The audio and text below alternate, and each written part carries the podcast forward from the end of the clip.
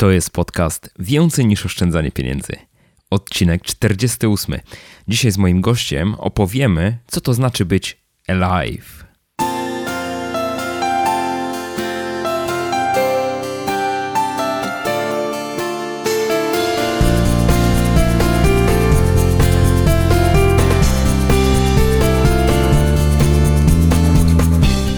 Cześć, dzień dobry. Witam Cię w 48 odcinku podcastu Więcej niż oszczędzanie pieniędzy. Ja nazywam się Michał Szafrański i w tej audycji przedstawiam konkretne i sprawdzone sposoby pomnażania oszczędności. Opowiadam, jak rozsądnie wydawać pieniądze i jak odważnie realizować swoje pasje i marzenia. Jeśli tylko szukasz odrobiny stabilizacji finansowej i emocjonalnej w swoim życiu, to ten podcast jest dla Ciebie.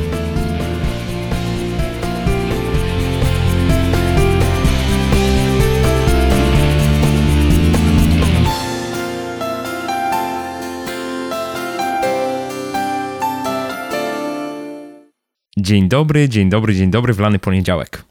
Z waszej perspektywy lany poniedziałek, z mojej nieco wcześniej, ale jeśli czytacie uważnie mojego bloga, to mogliście przeczytać na nim, że w maju ubiegłego roku 2014 brałem udział i te, także występowałem na konferencji Alive w Berlinie. Mówiłem też o tym w trakcie mojego występu na Auli w Poznaniu, który trafił w całości do podcastów numer 42 i 43, także można tam przesłuchać. I wtedy to moje wystąpienie u boku czołowych amerykańskich blogerów, autorów bestsellerowych książek, to było coś takiego, co pomogło mi utwierdzić się w przekonaniu, że idę dobrą drogą. I dzisiaj mam niesamowitą przyjemność gościć w tym odcinku Janę Schubert, osobę, która stworzyła konferencję Alive, która stoi za nią. To był jej pomysł, jej realizacja i rozmawiamy o tym, co to w zasadzie znaczy żyć pełnią życia. Rozmawiamy też o tym, w jaki sposób to spotkanie ubiegłoroczne wpłynęło na życie wszystkich jego uczestników, albo większości, bardzo wielu w każdym razie. I ja także przepytuję Janę po to, żeby dobrze zrozumieć, jak to możliwe, że takie dziewczynie z Niemiec, która przez kilkanaście lat mieszkała także w Anglii, udało się jakimś cudem przenieść do Europy ducha najlepszych tego typu wydarzeń i spotkań i konferencji, które odbywają się przede wszystkim w USA.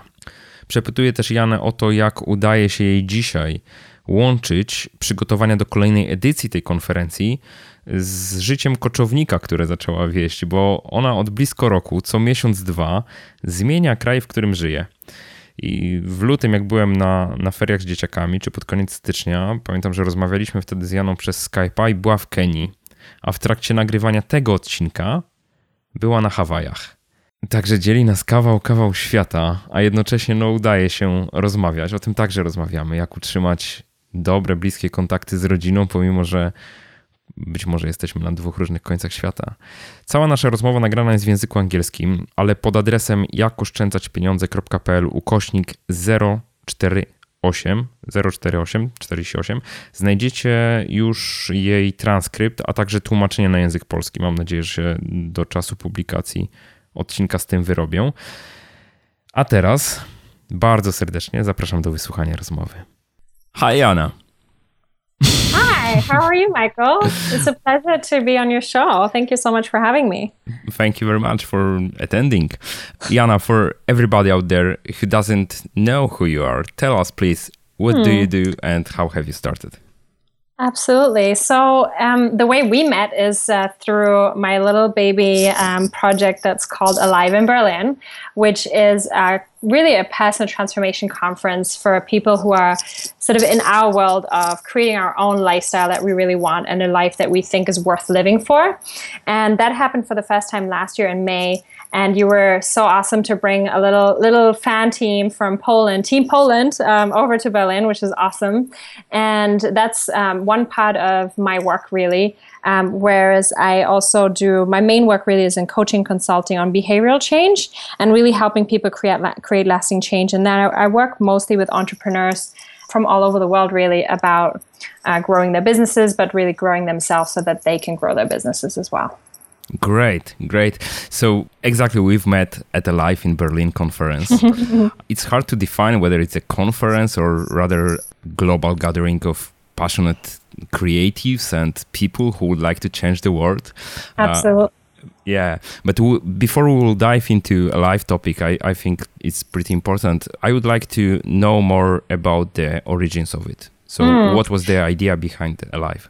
Yeah, absolutely. And I think you're right in saying, like, is it really a conference? Because for me, it didn't really, that was not necessarily the format it had to be. What I had envisioned when I really first conceived that idea in Phoenix, Arizona in 2012, it was that I wanted to walk into a room full of my future best friends. Mm-hmm. So I had, um, you know, like many people I think that are in our world where we are, you know, watching TED Talks, we're reading New York Times bestselling authors, we're like, you know, following Americans and going to American conferences, we look to the US a lot for new information and, and, and new books and on anything, whether it's money and financials or whether that's like psychology or you know sales or marketing, and um, and so I had a lot of my mentors and my coaching programs and conferences that I attended in the U.S.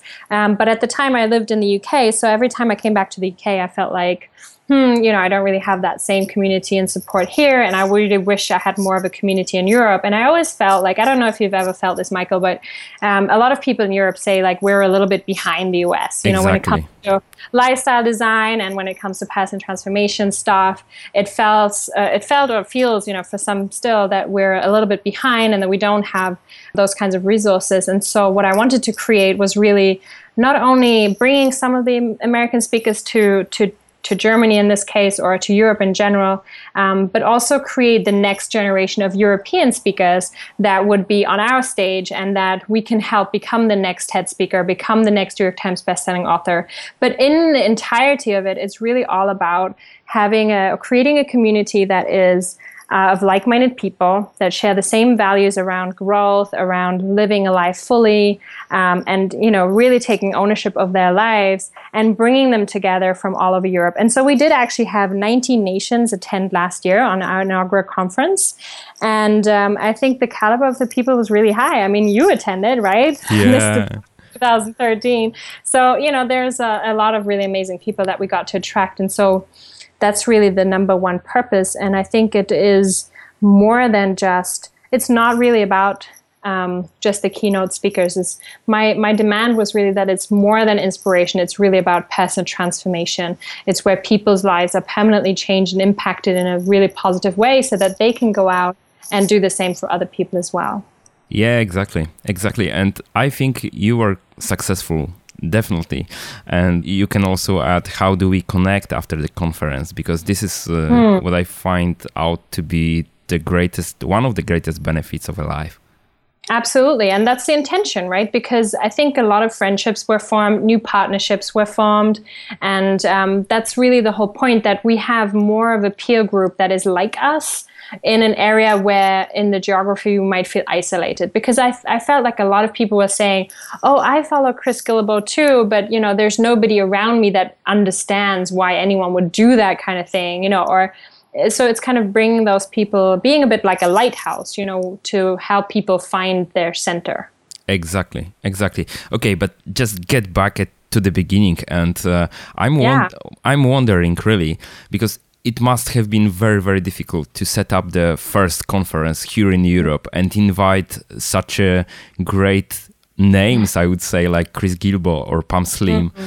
And yeah. uh, you know this is for them this is kind of a local European event somewhere sure. in Berlin Germany so yeah. uh, how how you were able to to invite all those people yeah I get what you're saying I think it's not the classic example of, oh, I didn't know them and I just sent them an email and they said yes. So I had um, it's actually really interesting, Michael, to be honest, because this year is quite different in terms of like um, inviting speakers. I've had a lot of people that I reached out to that I hadn't, I didn't have a strong personal relationship with before, mm-hmm. and I mm-hmm. got a lot of no's as well. Right? I just had another email from somebody today that would have been a big caliber, like way bigger than Chris and Pam, and saying, you know, I'm so sorry, Jana, but I can't make it. So I think with these guys, um, you know, for the first year, I really had a whole 10 year period to draw from of people who had influenced me, that I've learned from, that I'd met before,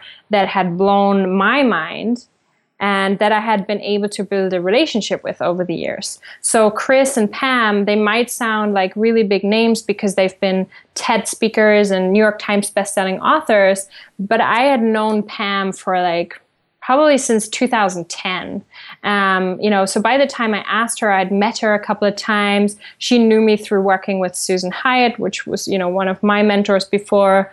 Um, and Chris, the same way. I had emailed with him numerous times. I'd uh, by that point, when I asked him, I'd you know I'd seen him at book launches. I'd um, spoken with him before. We had even had that conversation uh, because I was really looking for somebody to do the conference in Europe with me mm-hmm. um, about whether or not to sort of franchise WDS his own World Domination Summit, um, you know, conference to Europe, and and so we had already had a connection at that point, and it wasn't as simple as or as difficult as um, sending him an email and saying, Hey, will you come and speak? So they really believed in my vision and the team's vision and support of creating something of a similar caliber in Europe, which hadn't really been around. So I think they they were just supportive of the overall mission, really. Um, and of course, it was challenging not just to get speakers, but in the whole totality of organizing a conference. I'm not sure I would recommend that to everybody. Um, and I had many, many doubts and worries um, along the way for sure. Yeah. So, what was the biggest of them? I mean, I'm just trying to get deep into your head and. Uh, Absolutely. Oh my God. And it'll be right on your topic because it was totally all about money. Um, and money in that, um, the biggest thing when I mean, I learned so much um, with that first conference for sure. But um, one of the things that was very apparent was I did not really, I did not look for sponsorship in the first year. And the reason for that is mostly because I wasn't sure what we were actually offering to the to okay. this you know to the companies because it was going to be a small company it was very diverse you know from all over the world um, sort of participants and what are we actually selling to them? What's the value? What's in it for them? I wasn't sure. So we didn't work on that. We worked with ticket sales. And so, depending on how we were doing the ticket sales, I was getting worried or not worried about breaking even with the cost because the venue is actually quite you know quite expensive though it's gorgeous. I wanted it to be super professional so we had video equipment and all those kinds of things. So the whole conference cost a whole you know amount of money and we didn't actually end up making all of the money back to break even which meant that i invested personal funds into it to make it happen. So money was for sure the biggest worry and the one thing that not money in itself, but ticket sales, right? Like because people are like, oh, this is amazing and amazing, and you know we're all up for it and like the idea of it, but in the end, what speaks is ticket sales. You know that's very black and white thing, and so you know we pitched it at a I think a reasonable rate for what we did and what we offered, but um, yeah, it was really like the, the number one thing that kind of kept me up at night for sure. To make sure that we fill the room, that we have awesome quality of people, and that we break even. Anyway, the conference was great, and I hope yeah. I hope you will be able to break even this year. Absolutely, and I'm sure we will. But it's it's and it's an investment, right? Like uh, when you believe in something so much that you think even if it does cost money in the first year, which I think a lot of people experience when they set up conferences or events in general, um, it would be worth it. And oh my God, it was so worth every single penny. Like it was the most beautiful and the proudest moment of my life. Um, the, you know, to create something from nothing was exactly. spectacular. And and you know the responses of the people and the connections I've made with the participants and with other people and the connections they've made amongst themselves. I mean, they're like that's completely invaluable. Yeah, and yep. uh, honestly, you set the benchmark for the uh, U- European event for all those creatives. I mean, when I'm wondering whether there is another such a conference in Europe, Mm-hmm. Definitely, there is not. Yeah. So yeah, and as you say, it's it's more like a long term planning. Definitely. It is. It yeah. is absolutely. And we wanted to. We, we you know we're like testing things out. Like I mean, there is no. It's not been done before, so you've got to find a way of creating your own little version of something that has never been done before. And so, one of the things I was just recently saying in an interview is that there were so many decisions to be made. I mean, like it, like it gives me a headache just thinking about them. I mean, do you want this or that? Do you want to do it like this or that? Do you want to have the music there or there? Do you want it? like it was just insane amounts of decisions. So, um, yeah, I think uh, it's uh, it's it's a you know work in progress and will always be. Yeah. So, how big is the team which stands after live? Sure. Um, so behind behind Alive now are 15 people, mm-hmm. and that is a huge compare like compare compared to last year. It was mostly myself, and Sophie, and Carolina, um, and both of those both of those women all, were also pregnant leading up to the event one giving birth four weeks prior to the event, the other one a week after the event. Exactly, exactly. So, I mean, we were stretched out. You know, I was having 55 coaching clients at the same time. I was working like 16 hour days and then not sleeping for half of the night uh, for about five months. So it was very, very stressful. And so growing from that to having 15 people that are taking on different tasks, we've got two project managers, we've got a, a chief technical officer, a chief financial officer, you know, uh, uh, marketing and, and, and, and sort of different areas are supported. We've got our podcaster, you know, different people take on different roles. And that is awesome from the perspective of spreading the work. And it's a whole different challenge for me to learn to be a leader to them and manage a team of 15 now, you know. Um, but it's it's so much better, so much more fun. It's a very good point. It's a very good point in our discussion to switch to different topic to mm-hmm. your to your unusual lifestyle because I'm wondering uh, how are you able to manage the team how of 15 I? people spread all around the Europe and probably all around the world because That's you right. please tell us where are you right now i follow your so, trip on the facebook and I, I i know you are for the last several months you are every almost every month in different country right that's correct yeah so i have I have given up my original home base in England um, about nine months ago, and I've been traveling ever since. And and my little premise, and it doesn't always work out exactly, but my little premise is to basically move country every month for a month, mm-hmm. um, which is a very concerted effort to. Um, I guess to grow and to put myself into uncertain situations and to um, experience new things, new people, new places without getting attached to them. And so, in right now, you asked where I am right now. For me, it's actually for you, it's already tomorrow. For me, it's yesterday in Hawaii. Um, uh, I live on Oahu, one of the islands that are probably most known uh, of the Hawaiian Islands, with Honolulu as the capital. And I've just uh, I spent a month in Honolulu last month. Um, at Waikiki Beach and the commercial touristy center of the island. And then I've moved um, up to the North Shore, which is much more rural, much more full of surfers and beaches and uh, water sports um, in the north of the island. So I'm living here right now. Great. So, what were your previous locations this year? Yeah, sure. So um, before I came here, I actually came from uh, Nairobi, Kenya. I spent a month, the month of January, I spent in Kenya. Uh, before that, the month I was actually partly between uh, Florida, the UK, and Germany, just because of like the holidays and family birthdays. Um, and then uh, before that, I spent a month in Bali, um, in not not necessarily in Ubud, though we were in Ubud as well, but in a place called Canggu, an area called Canggu in um, South Bali. And then before that, I was mostly in Zurich, Switzerland, Frankfurt, Berlin, uh, Finland, Helsinki. We had a little meetup there as well, alive in Helsinki um, in October. And uh, before that, I was in Gran Canaria. crazy, absolutely crazy.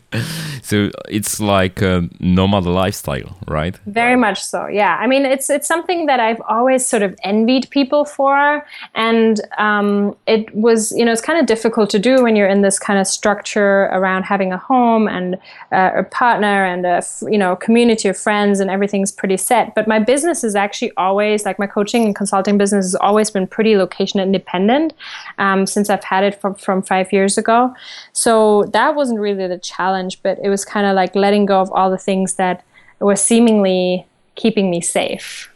Okay, so speaking about the drawback side, I would say, is it really more difficult to conduct your business while on travel or it's definitely challenging in different ways yeah. So i mean the number one thing that determines my day is the time zone i'm in. Mm-hmm. so right now i'm in gmt minus 10 so that means that i do a lot of my work between sort of 5 6 a.m in the morning and probably lunchtime to maximum 3 p.m in the afternoon because that will be the fitting time zone for say European clients or like you said my team um, back in Europe when they're like reading emails. So it's quite funny actually. Like I like I wake up to an, a really full inbox because everybody is awake right now. Like for you it's two in the morning. So everybody's awake. Like I get a whole bunch of emails. My inbox is super full when I wake up and then once you know once i've cleared that out because i'm like a zero inbox type of person i need to like have that cleared down so i can work. Yeah exactly. And so and so once that's cleared down it's actually really quiet like for the rest of the day. And the same goes for facebook as well which is really interesting. So it's the afternoons are actually a good time to be working because i'm not being distracted whatsoever. But um, in terms of other in other ways like it is challenging to set up calls right? When uh, when you're in Bali, it's like GMT plus eight. So then it's the other way around. I used to work up until like from say, you know, 7, 8 p.m. till 2 or 3 a.m. in the morning mm-hmm. um, with coach with coaching clients, for example, or to just organize anything. You know, it's like always here, I feel like I'm always a day behind. So people are kind of expecting stuff from me, but like I'm still in yesterday. So for me, it's okay to respond tomorrow, you know, like, but then it's already tomorrow for them so it's those kind of things that are a bit funny. And otherwise um, i think it's it's no different. I mean we are the team has never been in one place. And i have no doubt that if we were all fully dedicated to just doing Alive it would be amazing right? But we all have other things. They're all volunteers. And just like them, I have the coaching and consulting. I have sort of the whole digital nomad stuff going on.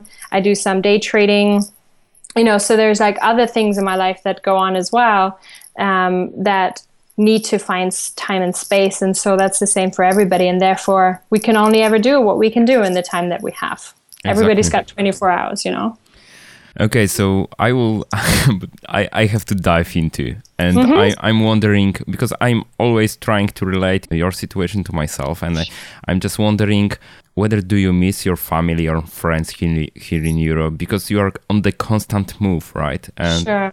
So so that's an interesting question. My family, so actually, my family and I, uh, I have one sister who lives in Berlin, and my parents who live in North Germany. And um, for because I've not lived in Germany for like 13 years, it's not that I miss them all the time, like because I'm not used to seeing them all the time anyway. But mm-hmm. from about eight years or so ago, uh, when I lived in England mostly, we um, I just set up this um, kind of little routine of checking in with my parents every Sunday.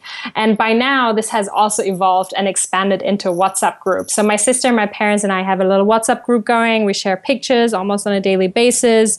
They know what I'm up to. My mom just said I should upgrade my health insurance because I'm doing all the skydiving at the moment. You know, it's like little things like that. Um, I've forgotten my one and only coat in Kenya, and Nairobi, when I left there. And um, so my mom p- posted a picture of a coat that she bought she bought for me um, because they're coming to New York in a couple of weeks' time. We're all meeting in New York, and so it's a little family vacation. So that you know, she brings me a coat, and so we communicate like on a really regular basis. And every Sunday we try to Skype. Um, so that's okay with the family. With friends, you know, I don't know. Like I think the beauty the beauty of WhatsApp and Facebook for me is that I never feel that far away from them, right? Like I talk to people really quite regularly. Um, I sometimes record video messages or voice memos, or I do like little WhatsApp voice memos for them. And so I think if you choose to be connected, you can and will be.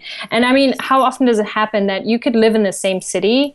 Honestly, Michael, I don't know what it's like for you, but you could live in the same city and still not see your friend for like six months, yeah. um, three months. So obviously, it's super nice. Like I went back around Christmas and I saw a lot of my friends. I surprised some of them; they didn't know I was going to come, and so that's really nice, of course. But um, I'm also just really excited to meet new people, so it's all good.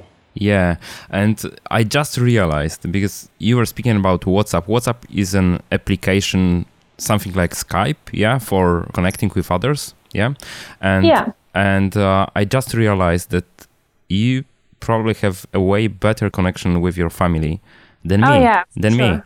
I Oh, live. really? I live now. The distance between my flat and the place where my parents live is roughly about two kilometers. You know, but I can honestly say I haven't seen them for the last three weeks, or even more.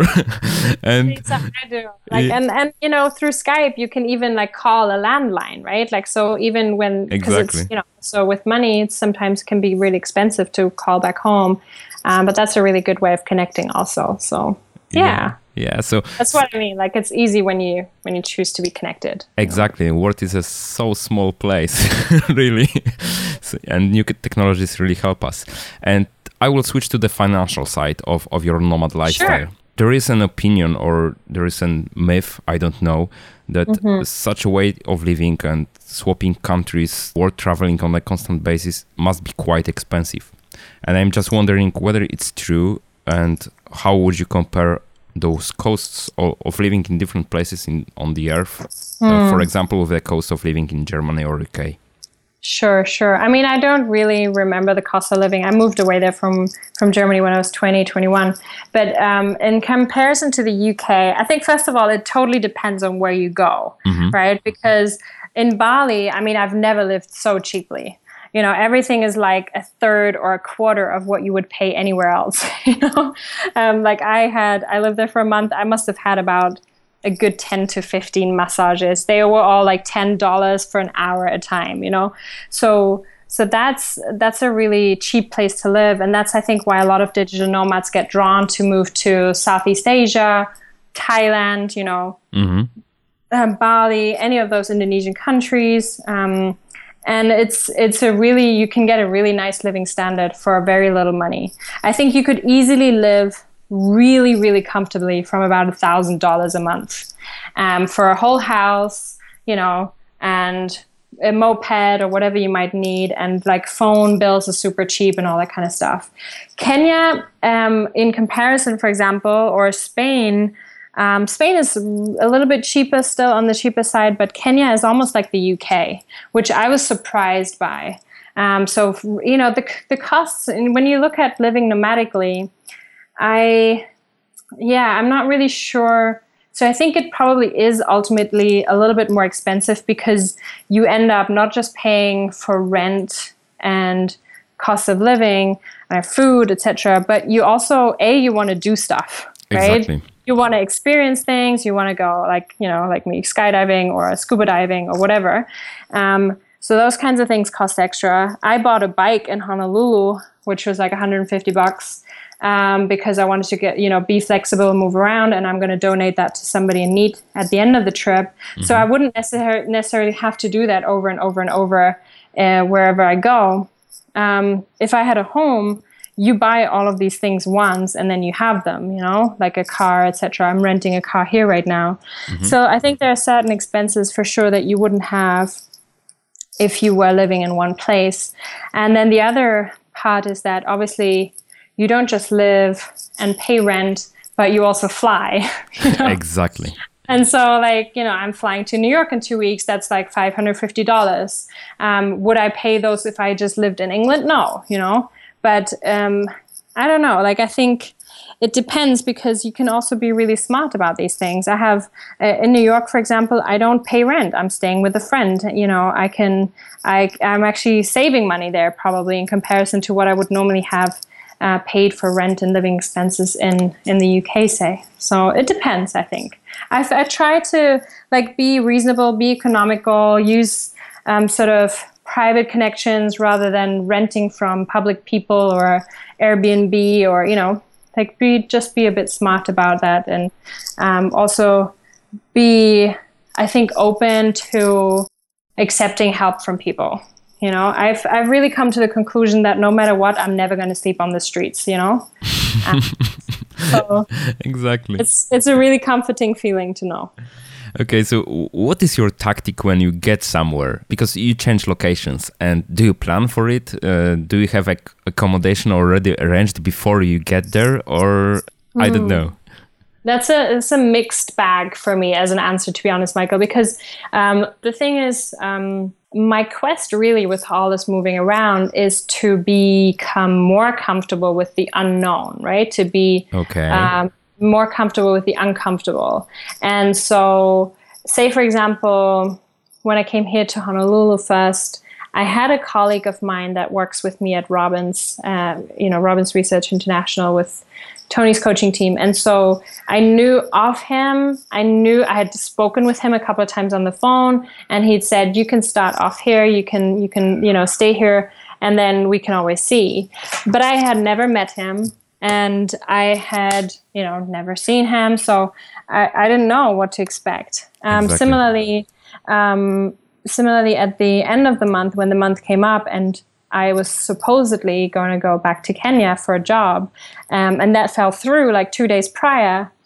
I had no flight. I was going to have no place to live in two days, and um, I didn't really know what to do. Should I leave the island? Should you know? Because I I wanted to stick to my little rule, right? Like that I move every month, and um, I literally like on the Saturday night I was so stressed out. I was you know going to have to move out the next day and I still hadn't had a place to stay. And I had sent all these emails to Craigslist people and you know Airbnb and all these kind of things on the North Shore and in Honolulu and said, you know, I need a place from tomorrow. Nobody had come back to me, and oh. so I was starting to really stress out. And then I said to my friend, you know what? I'm just gonna basically, I'm just gonna let it go. Just gonna trust that something will pop up in the morning and I will know where to go tomorrow right?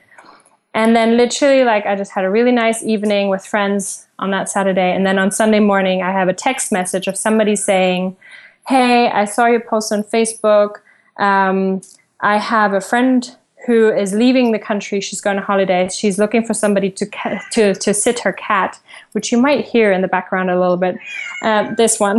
oh, there is a cat. and, and, and she's she's a bit mardy at the moment because she wants food. But yeah, so so she needs somebody to look after the cat. You can you know sort of sublet her house on the North Shore, and then it was all sorted. And so you learn to trust that actually it's not really like I said, you're not going to sleep on the couch, you know. Exactly. Exactly. Um, and or you're not going to sleep on the streets. Rather, there's always a couch. Um, you're not gonna. Yeah, I'm not going to struggle. Basically, is what I've learned, and so that's a really cool feeling because uh, previously I would have had to have it all figured out.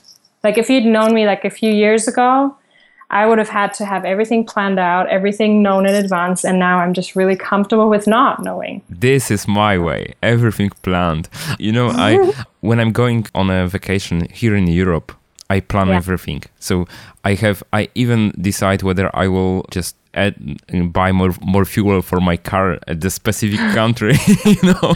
So I know yeah, where so where to I mean, stop. The, I mean, for some people that is fun, right? For some people the whole planning process is fun. The whole you know, but I've really learned that for me, the aliveness, that kind of excitement, and the spontaneity that comes with not having everything figured out is really worth it too. Yeah, yeah, definitely. It's for me, it's like a dream. You know, I I look at you, uh, I look at what you do and what other people after alive do, and I say, oh my gosh, it would be so great to do the same. But on the other but when i start to think about it i say okay i feel the best situation for me is to sit at home because i feel comfortable and i like it you know? Yeah so that's fair enough and that's okay you know that's that's good for you and that's how you want to live and that should be just as okay. Uh, yeah yeah exactly. It's about the acceptance of um of our feelings i think.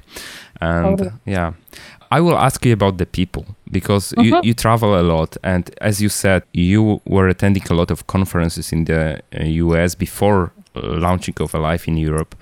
And mm-hmm. I'm just wondering what kind of differences do you see between European mm. people and the people in the US or in other parts of the world? What can you oh, tell about it? Interesting. That's an interesting question. You know, I think a few years ago, a couple of years ago, even, I would have said that Americans are more open, they're more caring, sharing. Um, they're definitely more positively inclined towards personal development. Mm-hmm. Um, but now I'm not so sure. I think actually the people that are like us are like us everywhere we go. like, not so many differences, right? Yeah, I don't think it's that many. Yeah, I don't think it's it is that different. So um, I think the people that go to these types of conferences always feel a little bit left out, always feel a little bit like a misfit in other places. Um, they are all looking for a tribe. They all have that kind of value of personal growth, development, learning, you know, being creative or doing something with their skills that they really want to do and that they're passionate about. So I think ultimately we're all valuing the same stuff. yeah. Know? Yeah, I, I feel the same. So for me, it's I'm trying to search for the differences, but I, I see there are not so many. And even meeting people like Chris Guillebeau, yeah, for mm-hmm. me, um, it's it's uh, it's not a secret. Uh, he was one of the reasons for me to come to Alive. Uh, mm-hmm. I, I, I, said that and because I wanted to meet him in person just to realize whether he's uh, really the same person as as the persona created on the web uh, or in the right, books okay. yeah? Yeah. Uh, yeah and i realized we have so many common yeah feelings and uh, just observations about the world and so on so there are not so many differences. And for me the biggest benefit of life was actually realizing that uh, yeah i'm i'm one of the tribe of the people and this Absolutely. tribe is not limited to warsaw to poland. It's basically there are the same thinking or kind of uh, way of thinking people are all around the world. And it it has boosted my self confidence really really a lot. I mean nice. yeah because i felt okay i'm i'm part of the bigger community yeah? Yeah. And that was the benefit for me. So uh, let me switch back to the topic of alive that's awesome. No and that's great though because yeah. it's, it's important to hear for people because too often we do think that people like Chris or Pam or other, you know, big people that we, you know, feel have made it, that they have all of their shit together and that they're just this superhuman person. And I think hopefully you saw that whilst they are amazing and they've done a lot of things and accomplished things, that they're also just human, you know? Yeah, and, and, they are so approachable. I mean, we, when we think about such people, I mean, authors of the books, the bestsellers, uh, big, big bloggers, you can say, we think that, okay, there is a border, there is a cross line, we, we should not cross. I mean, because they have achieved so many and we have not. It's not true. Mm-hmm. I mean, those are humans like us yeah and uh, w- when you speak to them they are so approachable they, they are so available they are so open to share their thoughts their point of view and so on i was just shocked i can say i mean i believed that they are such people but I was not so sure, yeah. and meeting well, it's them. always good to, yeah, exactly, to meet them and see that they're just normal people like you and I. Yeah, yeah, exactly. So let us get back to alive. And sure. I think that the sp- uh, explaining of the spirit of life is uh, really difficult uh, for for someone who who was not attending this event. And what makes you say that? Yeah. What what, what do you think is difficult about explaining it? What was spe- like specific to it for you that you feel is hard to explain? Uh, because there's a way of thinking, and I always think like, okay, this is a conference or this is an event, but it's not only the event. I mean this is the kind of relationships you establish there mm-hmm. yeah uh, kind yeah. of seeds yeah and mm-hmm. uh, it starts to grow and it definitely is uh, it's somehow connected to life but the relationships they grow their own way and for me it is uh, i would say we have a facebook group yeah when mm. w- where we connect. We have Facebook as, as a communication tool in general, so, so I, I, can, I can speak to everyone in a direct message uh, to every participant of Alive, mm-hmm. and. Mm-hmm. For me, it was huge door opener. I mean, if I would like to consult any of my ideas with with the people who were there, yeah, I just write a short message, yeah, and I get the the feedback, and this is for me the benefit of Alive, yeah. Yeah. I would like just to get your sure. your explanation um, yeah. for someone who who doesn't know the event. Mm.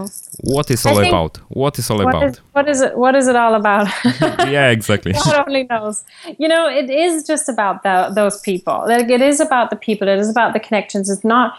Yes, of course, the keynote speakers add value and they bring new ideas and they help people transform and uh, they build a core structure to the event. And also the workshop leaders, you know, which actually this year most of them are past alivers like yourself. You know, mm-hmm. you did one last year, um, but also, uh, you know, I think it is really a space to connect to like-minded people, a space to not be judged for your dreams Exactly. you know which is a which is a unique situation and it's a place where everybody alongside of you is kind of speaking the same language and is having the same high standards for life you know i, I think um, people that come to the conference they want to have it all. Like they want the money, they want uh, the financial independence and freedom, they want some adventure and travel, they want to have great relationships and sex, they want to have passion, intimacy in their personal lives, they want to have a healthy body, you know, and think about food and exercise, and they want to think about work in a way that makes them feel excited too right? Exactly. and uh, you know and and for a lot of people also you know themes like community and spirituality personal growth they are part of what they are focused on on a daily basis, um, or at least who want to think about those topics. And so, so that's what we do. I mean, you know, Alive is really um, about living it up in all areas of life because I think there are a lot of conferences out there who, or which um, sort of address different specific topics around work or marketing or tech. Um, and I felt like, well, just having a really great business doesn't necessarily make for a happy life, you know? Exactly.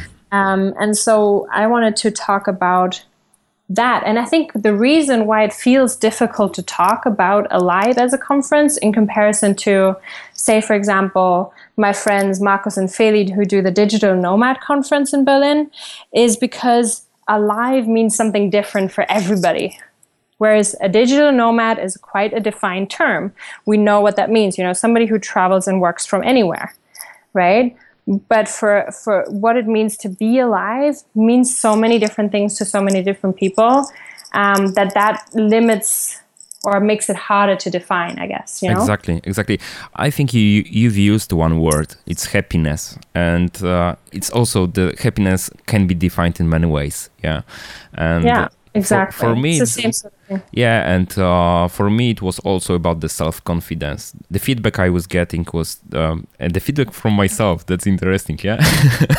Yeah. But but uh, when we listen to to different stories to to different point of views uh, we also are more open to look back at our life and think about okay am i really happy? Yeah what can yeah. I do to be happy? What can I do with the time that is left for me? And mm-hmm. um, what I realized last year, it was Greg Hartle presentation, yeah, was that uh, it might be possible that uh, the time that is left for me is not so long, yeah. And right. we, yeah, and this is the question we've always always asked uh, ourselves: What would you do? What I would do if I knew that I have one year left of my right. life yeah how right. how my priorities how my uh, the stuff i do or the things i do how they would change if i knew that i have 300 or 350 days left yeah mm-hmm.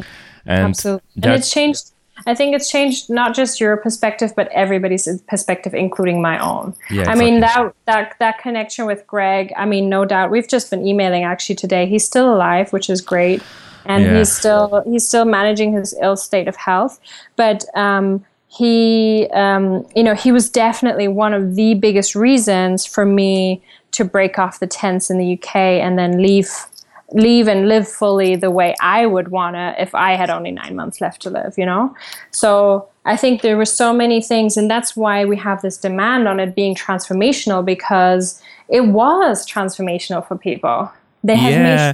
Can you give some examples, Jana? Yeah, I was gonna say. So we had. I mean, I'm just like so humble to be honest. Like, um, people had. I mean, from very like simple topical things like getting people getting tattoos done to like as a reminder of this to having like left relationships started new relationships told someone they loved them um, you know having like a couple went off and did actually they quit their business, they sold the business. Alex and then Heffron, they, yeah, that's right. And then they went traveling.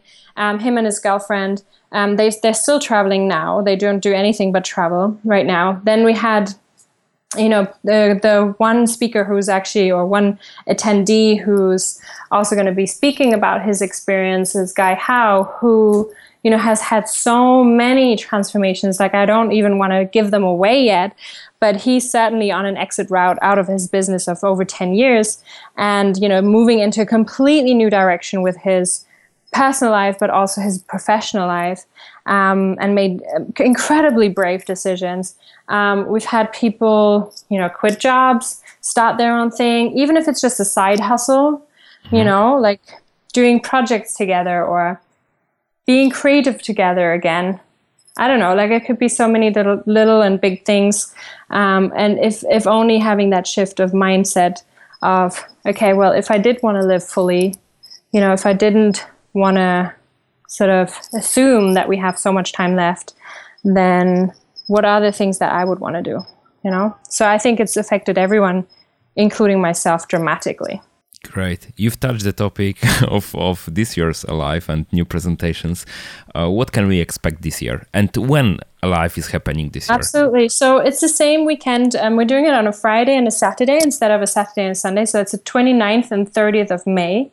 Um, because we expect most people to arrive on the Thursday, the latest, and then stay until the Sunday as well. And they should, because there's some things going on on the Sunday that they might not want to miss out on. Um, but other than that, um, because of, I mean, you know, like you said, I think the first conference set a precedent and a very strong case for really transformation experience. And it's almost like impossible to top someone like Greg, right?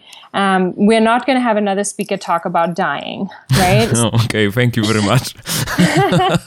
so, so that's you know that's difficult to um, to top because it really, I mean, it was a completely um, intuition led decision to bring him on board. And it was five weeks prior to the event. And I just knew that he completed the event. He, he you know, it, everything changed with him coming on board.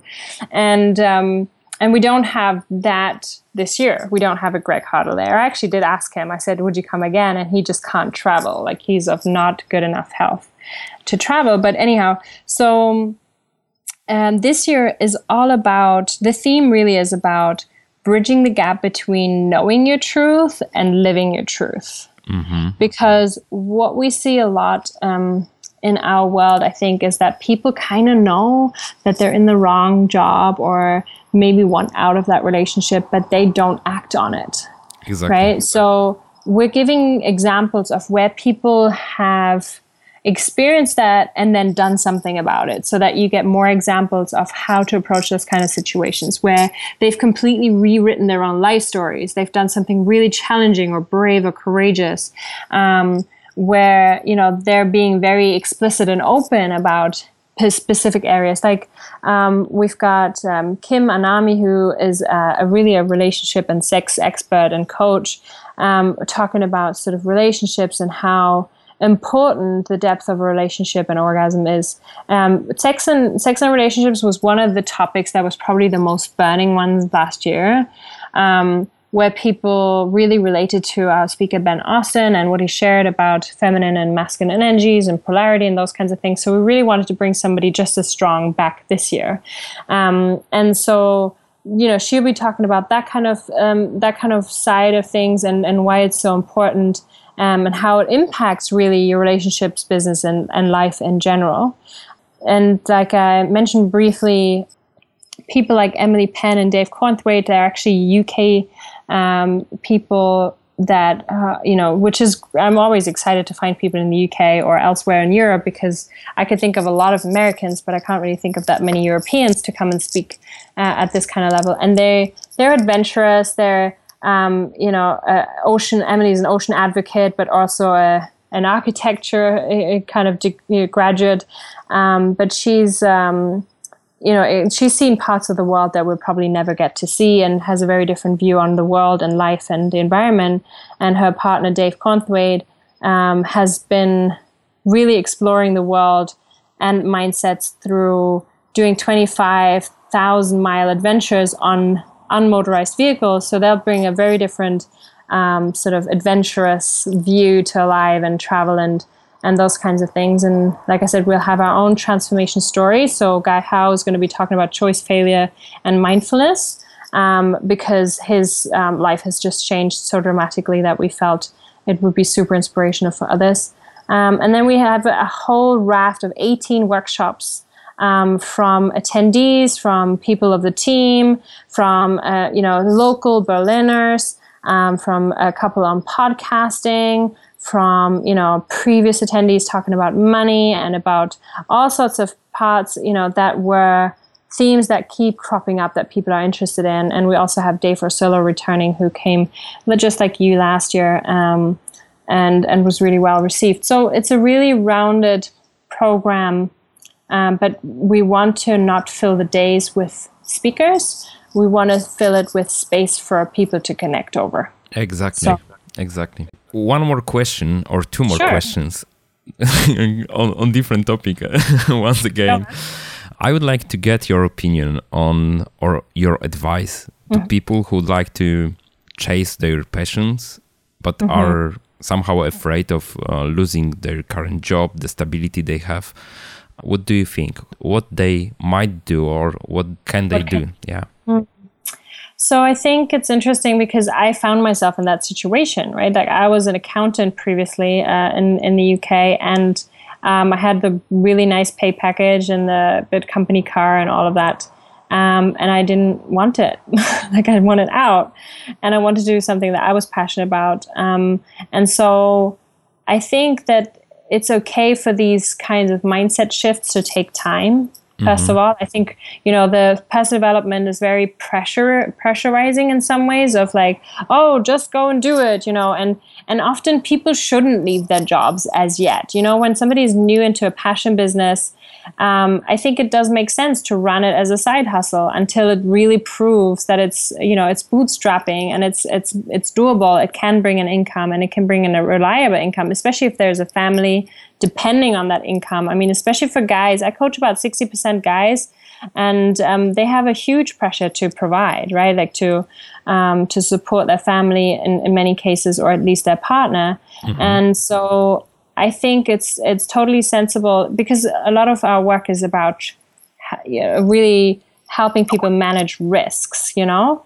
and um, being in a position where they feel confident enough to leave an existing structure for something that is slightly um, uncertain. But what I would say is that everything, once the decision has been made, everything is figure outable, you know?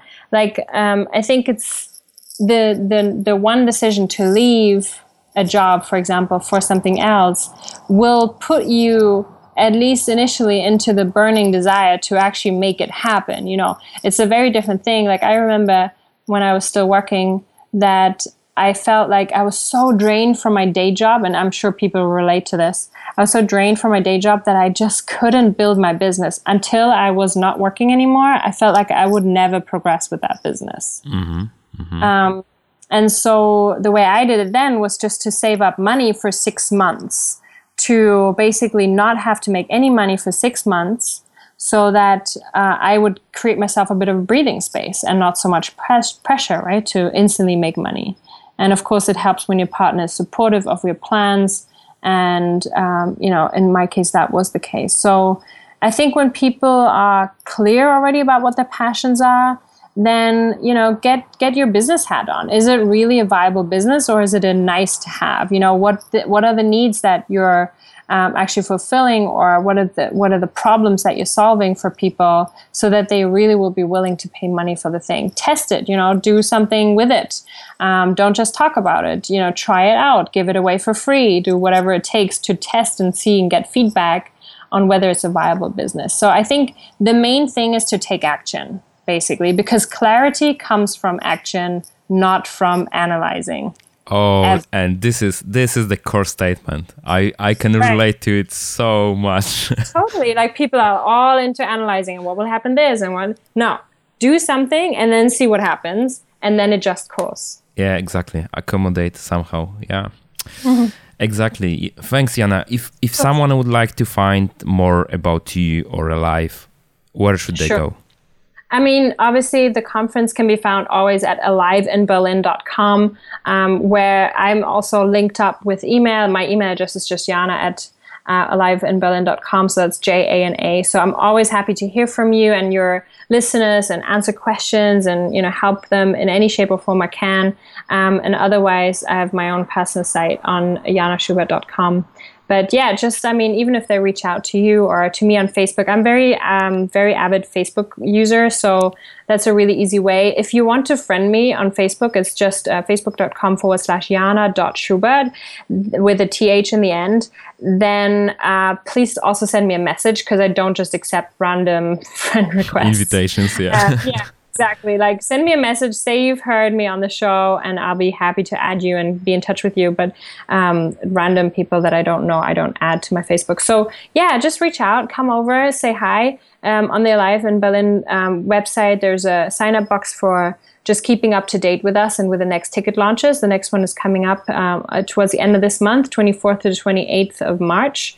So make sure you get a good deal still um, as the prices are increasing closer to the event and um, and just keep to you know keep up to date and get get some stuff for free you know past conference um, videos uh, like keynote videos etc like they're all there for you when you become an insider yeah, great. Uh, unfortunately, the people won't be able to catch the, the ticket sale on in March because we will be launching this podcast on 6th of at the 6th of April. Yeah. Yeah, that's right. Actually, I remember that, Michael. And that's okay because there will be one final run in April. So people won't be missing out. And because they come through you and, you know, you're, you're having our secret um, link to the back door, they're going to get the best deal at all times anyway, right? Great to hear so, that. That's great. Absolutely yeah. great. And so I hope, I hope we'll be. for the Polish people and, the, you know, you're very loyal listeners. So Absolutely. I hope we'll be having more people in Team Poland this year. we'll see.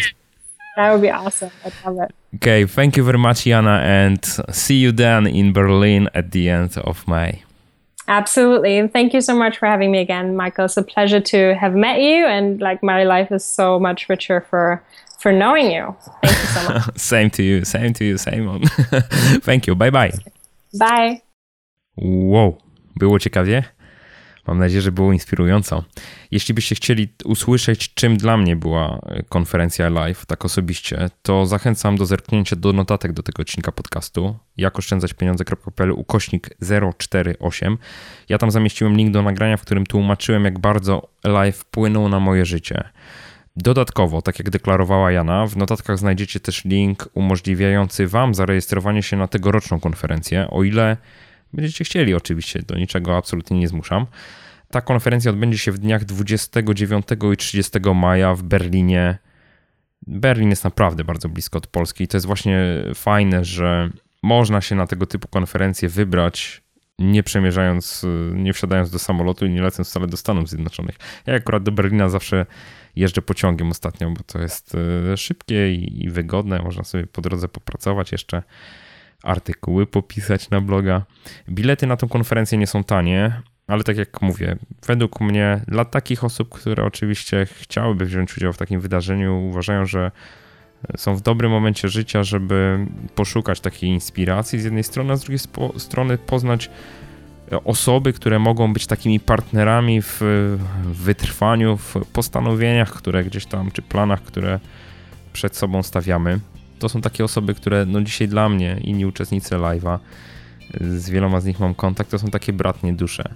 Osoby, powiem tak, czasami trud, trudno mi się podzielić różnymi moimi przemyśleniami, planami czy wątpliwościami również tutaj w Polsce, a z kolei dosyć bezpiecznie się czuję dzieląc się z nimi z osobami, które są daleko ode mnie i nie są wcale blisko mojej rzeczywistości, a jednocześnie całkiem konstruktywną krytykę tych moich działań mogę w ten sposób podtrzymywać inny punkt widzenia po prostu.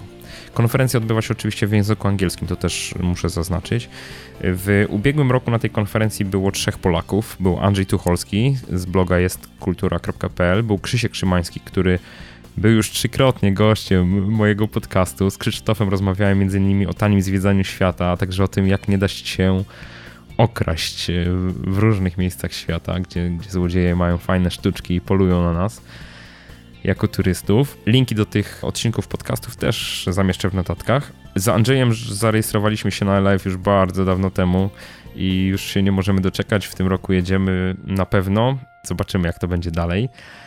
I jeszcze korzystając z tej świątecznej okazji, zdradzę Wam, że za dwa tygodnie także będę rozmawiał z osobą, która przebywa na drugim końcu świata. Tym razem będzie to osoba z Tajlandii i będzie to Polak. Polak, który właśnie tam się przeprowadził, osiedlił i pomimo tego, że cały czas tutaj prowadzi biznes w zasadzie dla klientów y, z Polski, właśnie o tym, jak to zrobił, ile kosztuje życie w Tajlandii, jakie są plusy i minusy takiej przeprowadzki z perspektywy kogoś, kto większość życia spędził w Polsce, właśnie o tym będę z nim rozmawiał. No właśnie, a tymczasem dziękuję Ci już za wspólnie spędzony czas i życzę skutecznego przenoszenia Twoich celów finansowych na wyższy poziom. Do usłyszenia.